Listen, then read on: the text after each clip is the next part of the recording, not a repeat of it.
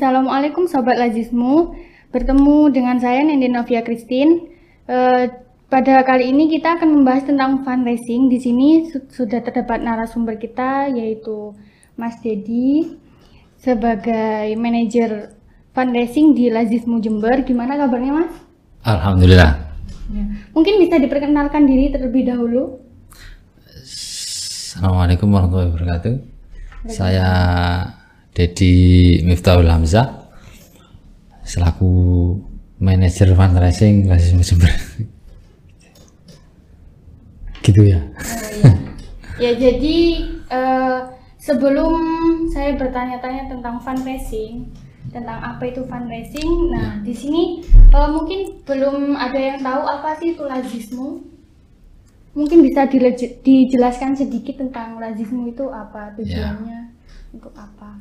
Baik, terima kasih Mbak Nenden. Uh, terkait lazisme, uh, lazisme adalah lembaga amil zakat infak sodako. Lazisme lembaga yang amil zakat infak sodako. Bentukan PP Muhammadiyah itu dari 2002 itu. Sejak 2002 kita berhikmat melayani umat uh, dalam hal pengelolaan dana zakat infak, sedekah dan dana kemanusiaan lainnya. Jadi kita turut serta untuk membangun e, masyarakat, ya, membangun kesejahteraan masyarakat, intinya menolong sesama. Iya, kira-kira begitu.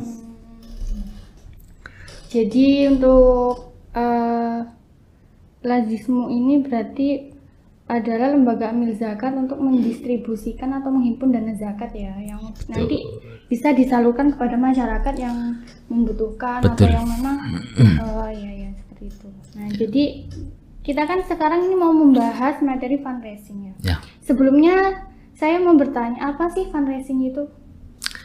Fundraising itu penghimpunan ya bahasa dalam bahasa kita sehari-hari penghimpunan di ya, istilah di dunia amil itu fundraising misalnya. Kalau di perbankan ya funding atau macam-macam. Intinya penghimpunan dana masyarakat eh, berupa dana zakat ya infak sedekah itu ataupun dana kemanusiaan lain. Pokoknya in, bisa wakaf itu itu ya. Jadi itu yang kita himpun. Kemudian fundraising itu sifat penghimpunan intinya bahasa sederhananya. Hmm. untuk sumber dana yang ada di lazismu itu eh, dari mana saja? Sumber dana seperti yang saya sampaikan tadi ya zakat infak sedekah itu okay. sumber dana yang kita kelola ya. dari mana? Ya, bisa dari donatur ya. Donatur macam-macam bisa perorangan Eh, bisa lembaga eh, perusahaan-perusahaan itu instansi itu bisa gitu-gitu. Jadi ininya dari masyarakat lah dana itu sumbernya dari masyarakat berupa dana zakat infak sedekah itu. Nah eh, lalu perbedaan antara penghimpunan dengan pendistribusian itu apa? Kalau penghimpunan itu itu sifatnya kan kita e, menghimpun ya mengumpulkan dana dari masyarakat. Jadi ada dari lembaga atau seperti yang saya sampaikan tadi perorangan atau lembaga itu kita himpun e, baik melalui transfer atau datang langsung biasanya masyarakat itu ke kantor rasmu atau kita datangi ke rumahnya. Nah itu itu penghimpunan advance fundraising kalau pendistribusian itu lebih pada program-program kita penyaluran begitu. Penyaluran lah pentasarufan kalau istilah dalam bahasa amilnya itu. Jadi dana yang sudah kita terima itu ya kita berikan ke fakir miskin ke penerima. Kalau zakat yang 8 asnaf itu penerimanya. Fakir miskin amil dan lain sebagainya 8 itu. Kalau dana infak ya macam-macam bisa untuk program keagamaan, program bencana alam seperti yang ya se- sekarang ini marah ya di Jember ya mudah-mudahan banjir tidak terlalu ini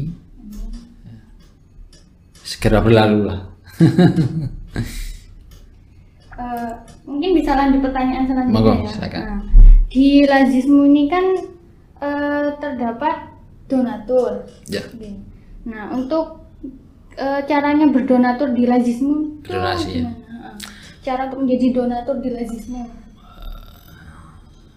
Ya, cara untuk menjadi donatur gini. Jadi kita memfasilitasi eh, untuk donatur itu layanan donatur itu ada transfer. Jadi kita sudah siapkan rekening-rekening ya. Di ada bank-bank yang insya Allah ini bank syariah insya Allah akan memudahkan orang untuk eh, bertransaksi. Ada juga kita yang tinggal scan itu jadi barcode itu Eh, itu ki- kita juga fasilitasi itu. Jadi orang sudah eh, zaman sekarang kan orang mau keluar ya malah sudah hujan apa subuh subuh misalnya sedang anu oh, sedekah subuh sekarang kan marah ya atau sedekah pas tahajud. Itu bisa sekarang ini tinggal ah, scan aja. Klik ya sudah. Beres sudah terlaksana lah insya Allah ibadah sedekah tadi itu. Itu. Terus ada juga layanan jemput donasi. Jadi tinggal telepon aja ke hotline kita. Nanti tim siap menjemput ke lokasi yang diinginkan. Juga ada layanan untuk membayar zakat itu di, kan- di counter kami di kantor Jalan Bondowoso nomor 11 itu bisa langsung datangin. Hmm, jadi caranya gitu.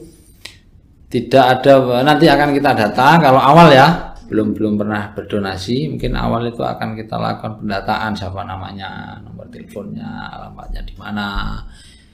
Kalau ada apa namanya email emailnya apa dan lain sebagainya. Intinya dengan eh, data diri lah. Itu aja yang kemudian kita inventarisir setelah itu sudah bisa apakah dia ingin eh, menjadi donatur tetap atau hanya berkala saja? Gitu. Terus eh, ini kan bagaimana sih cara meyakinkan masyarakat itu untuk zakat di lazismu Jember? cara meyakinkan. Ya terima kasih. Eh, ada menjadi lembaga amil zakat itu tentu banyak konsekuensi konsekuensi ya kita akan bergerak eh, berdasarkan undang-undang zakat eh, nomor 23 tahun 2011 itu Nah, di situ juga sudah diatur mekanismenya sebagai lembaga amil zakat itu apa tugas utama kita kan melakukan penghimpunan dan pentasarufan sebenarnya sebagai lembaga amil itu. Nah, untuk menja membangun kepercayaan masyarakat itu tujuan utama.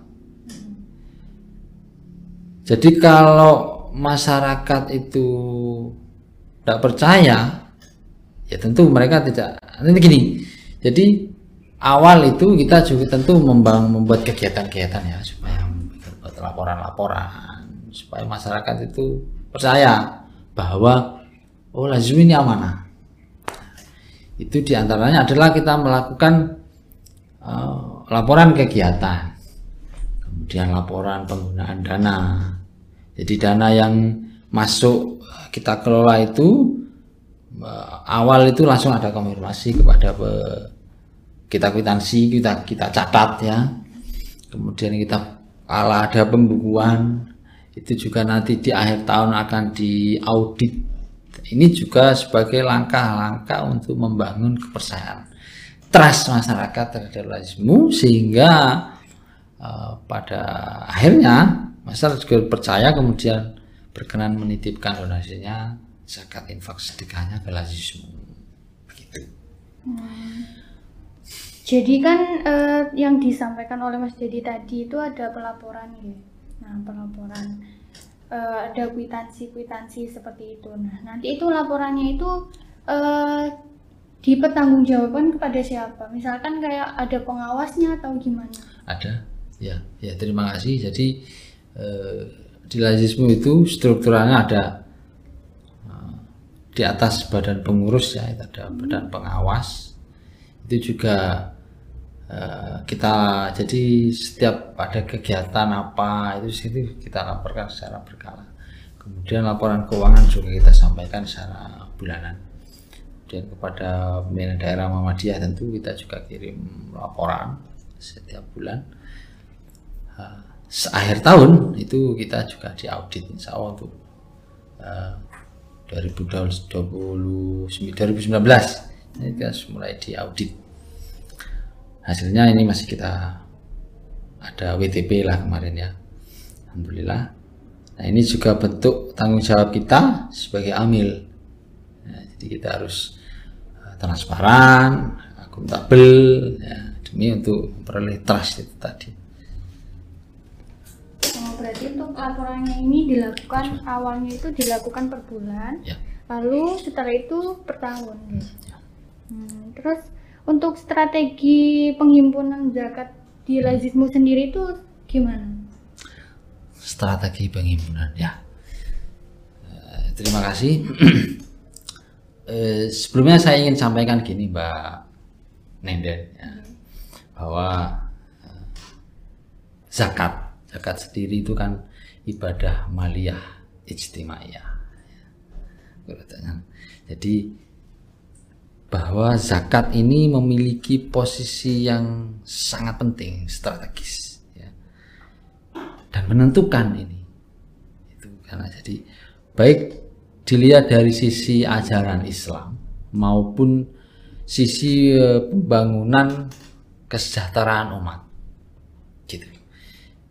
Jadi kata khut itu dalam eh, surat At- At-Taubah itu kan khut min amwalihim shadaqatan. ambillah itu ini memberikan sinyal bahwa zakat sebaiknya memang diambil dan dikelola oleh lembaga seperti itu Eh, atau ambillah yang diberi otoritas untuk pengelolaan zakat nah, sesuai dengan undang-undang pemerintah itu nah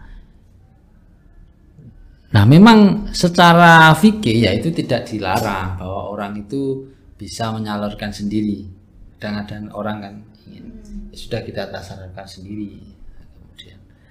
Tapi tap- dalam konteks yang lebih makro, ini tujuan ibadah zakat ini ya tentu tidak akan tercapai apabila dikelola oleh perseorangan. Ya, Tujuan zakat itu kan eh, apa namanya ya pembangun kesejahteraan ya.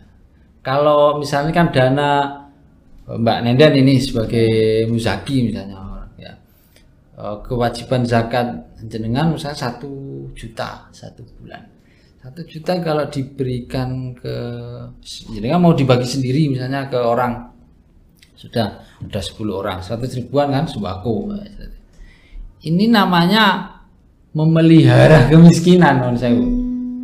Jadi tujuan dari zakat sendiri itu kan memberdayakan umat ya.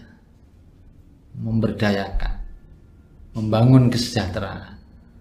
Kalau hanya bukan memelihara ya, memelihara kemiskinan, tapi kalau dikumpulkan melalui lembaga amil zakat dari eh, satu ju- satu juta Mbak Nenden, Mas Muzaki, satu juta, terus siapa, kemudian terkumpul dana sekian misalnya, Nah, ini kemudian bisa atau mengentaskan satu orang atau dua orang, kan tentu lebih lebih baik. Ya, ya.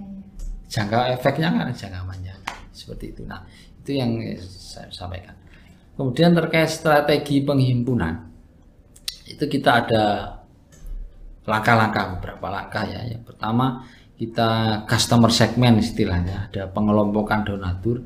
Ada donatur baru mana donatur baru mana apa donatur yang tetap tidak tetap. Terus kemudian data-data oh ini donatur yang sasaran donatur baru. Terkait customer segment kemudian kita ada eh, kreasi ya. Kreasi layanan. Seperti yang sampaikan saya sampaikan tadi eh, apa namanya eh, kita ada layanan jemput donasi.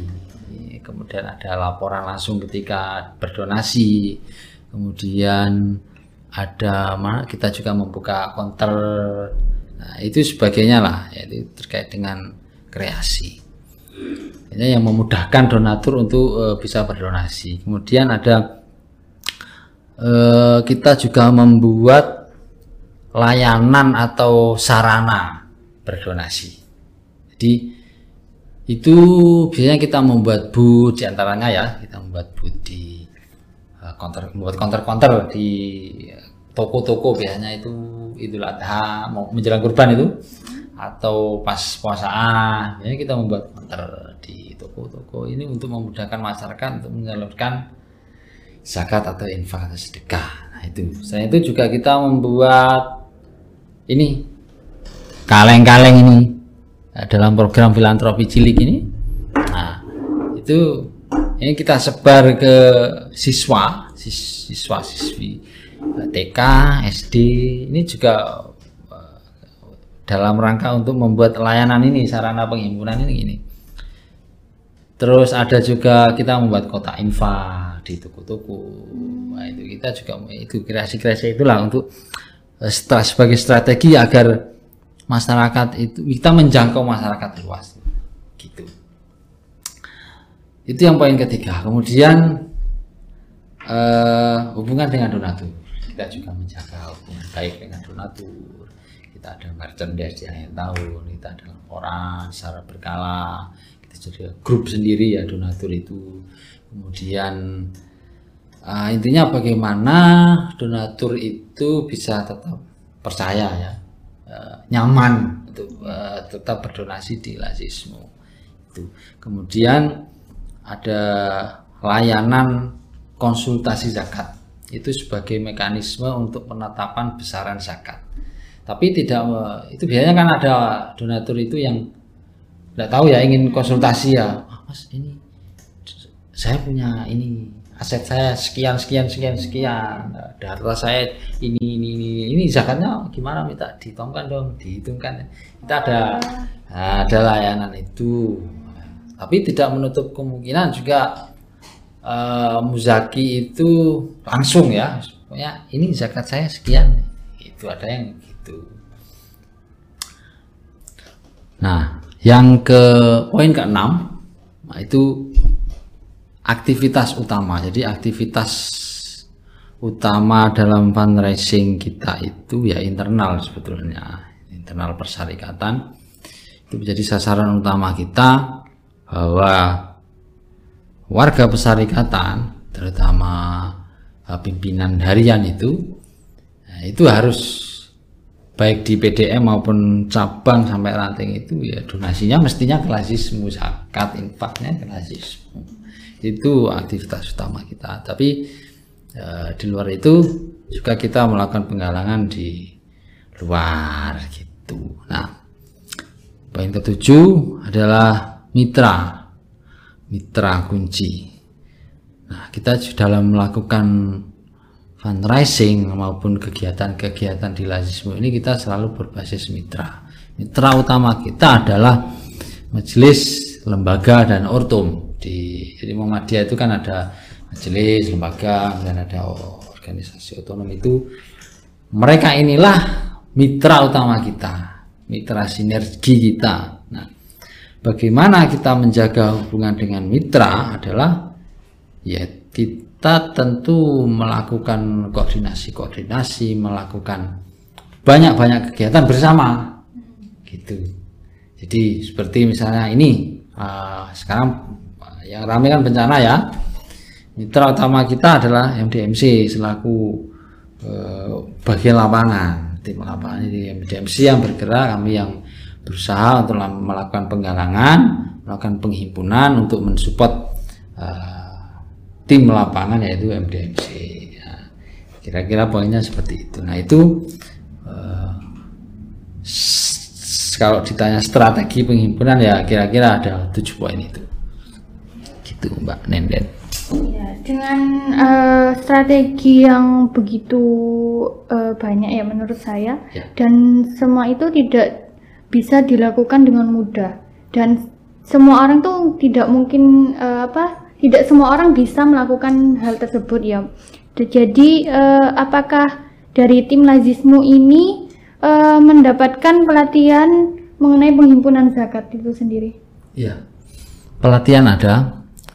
Kita sering kali me mengutus tim kita ya untuk belajar, baik itu ke lembaga amil zakat lain, ya, kemudian juga ada pelatihan-pelatihan Eh, dari yang difasilitasi oleh Lazisme Pusat maupun Lazisme Jawa Timur itu terkait fundraising uh, digital misalnya fundraising. Karena sekarang kan musim pandemi ya itu yang memang lagi digalakkan ini fundraising digital.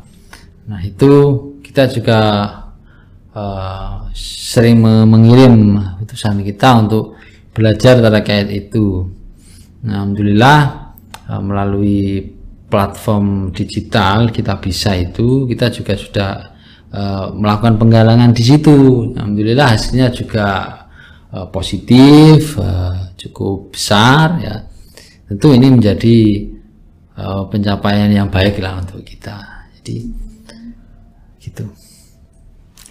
Uh, oh ya untuk um, tentang penghimpunan ini apakah Lazismu melakukan sosialisasi melalui media sosial atau buat buletin, majalah dan sebagainya? Ya, ya. Kita melakukan sosialisasi dan publikasi ini uh, tentu ya ya. Program-program kita selalu kita share ke mana-mana uh, melalui media cetak, misalnya media sosial, kita ada Facebook, ada Instagram, ada website, ada YouTube. Nah, sekarang ini kita juga uh, share ke situ. Jadi ada program apa kita share ke situ, kegiatan apa kita share di situ sehingga masyarakat juga tahu. Oh, ini kegiatannya lazismu. Oh, itu gitu. Jadi ini tentu menjadi uh, apa namanya?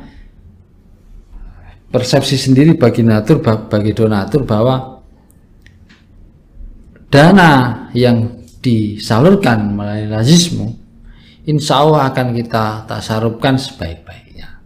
Kita salurkan setepat-tepatnya. Ya, jadi uh, insya Allah uh, dalam kinerja kami di lazismu Jember ini kita berusaha sebaik mungkin untuk uh, amanah profesional dan terpercaya Ya mungkin ini uh, pertanyaan penutup ya mas. Uh, apakah ada suka duka dalam suka duka. dalam menghimpun zakat di lazismu? Uh, suka duka ya. Terima kasih Mbak Nenden.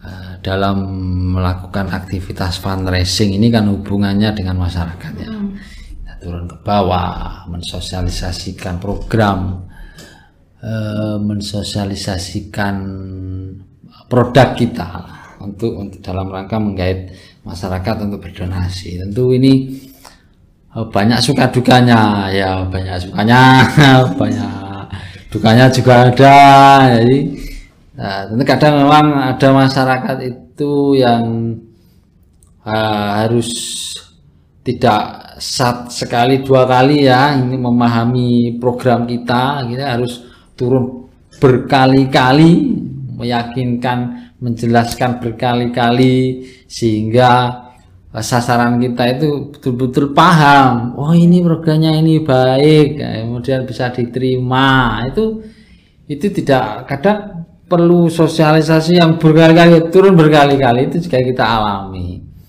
Ada juga yang uh, yang langsung care langsung baik responnya langsung baik langsung iya terima kasih silahkan itu juga banyak ya, jadi memang uh, unik ya di lapangan itu macam-macam responnya. Tetapi tentu ini tidak me menjadikan kita hambatan. Tentu ini menjadi motivasi kita untuk tetap uh, berjuang uh, mensosialisasikan. Karena amil itu kan ya fungsinya kan mensosialisasikan ya mensiarkan bahwa mengambil misalnya kan bu zakat itu jadi kita punya tanggung jawab untuk mensosialisasikan menyebarluaskan informasi tentang zakat, Nah, mengedukasi masyarakat. Salah satunya kita meluncurkan ini kalender itu juga dalam sarana untuk mengedukasi masyarakat terkait terkait zakat, infak dan sedekah. Termasuk kita bikin majalah setiap dua bulan sekali itu juga tujuannya itu.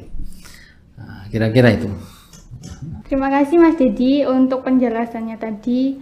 Eh, ya itu untuk bincang-bincang kita kali ini tentang fundraising. Mungkin eh, ada yang belum jelas atau eh, ada yang mau ditanyakan bisa tanya di kolom komentar. Ya mungkin untuk Bapak Ibu yang ingin menjadi donatur bisa langsung hubungi ke Lazismu Jember atau ke nomor yang tertera di bawah ini.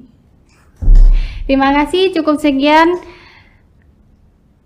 Jangan lupa like, comment, share, dan subscribe. Terima kasih. Wassalamualaikum warahmatullahi wabarakatuh. Waalaikumsalam.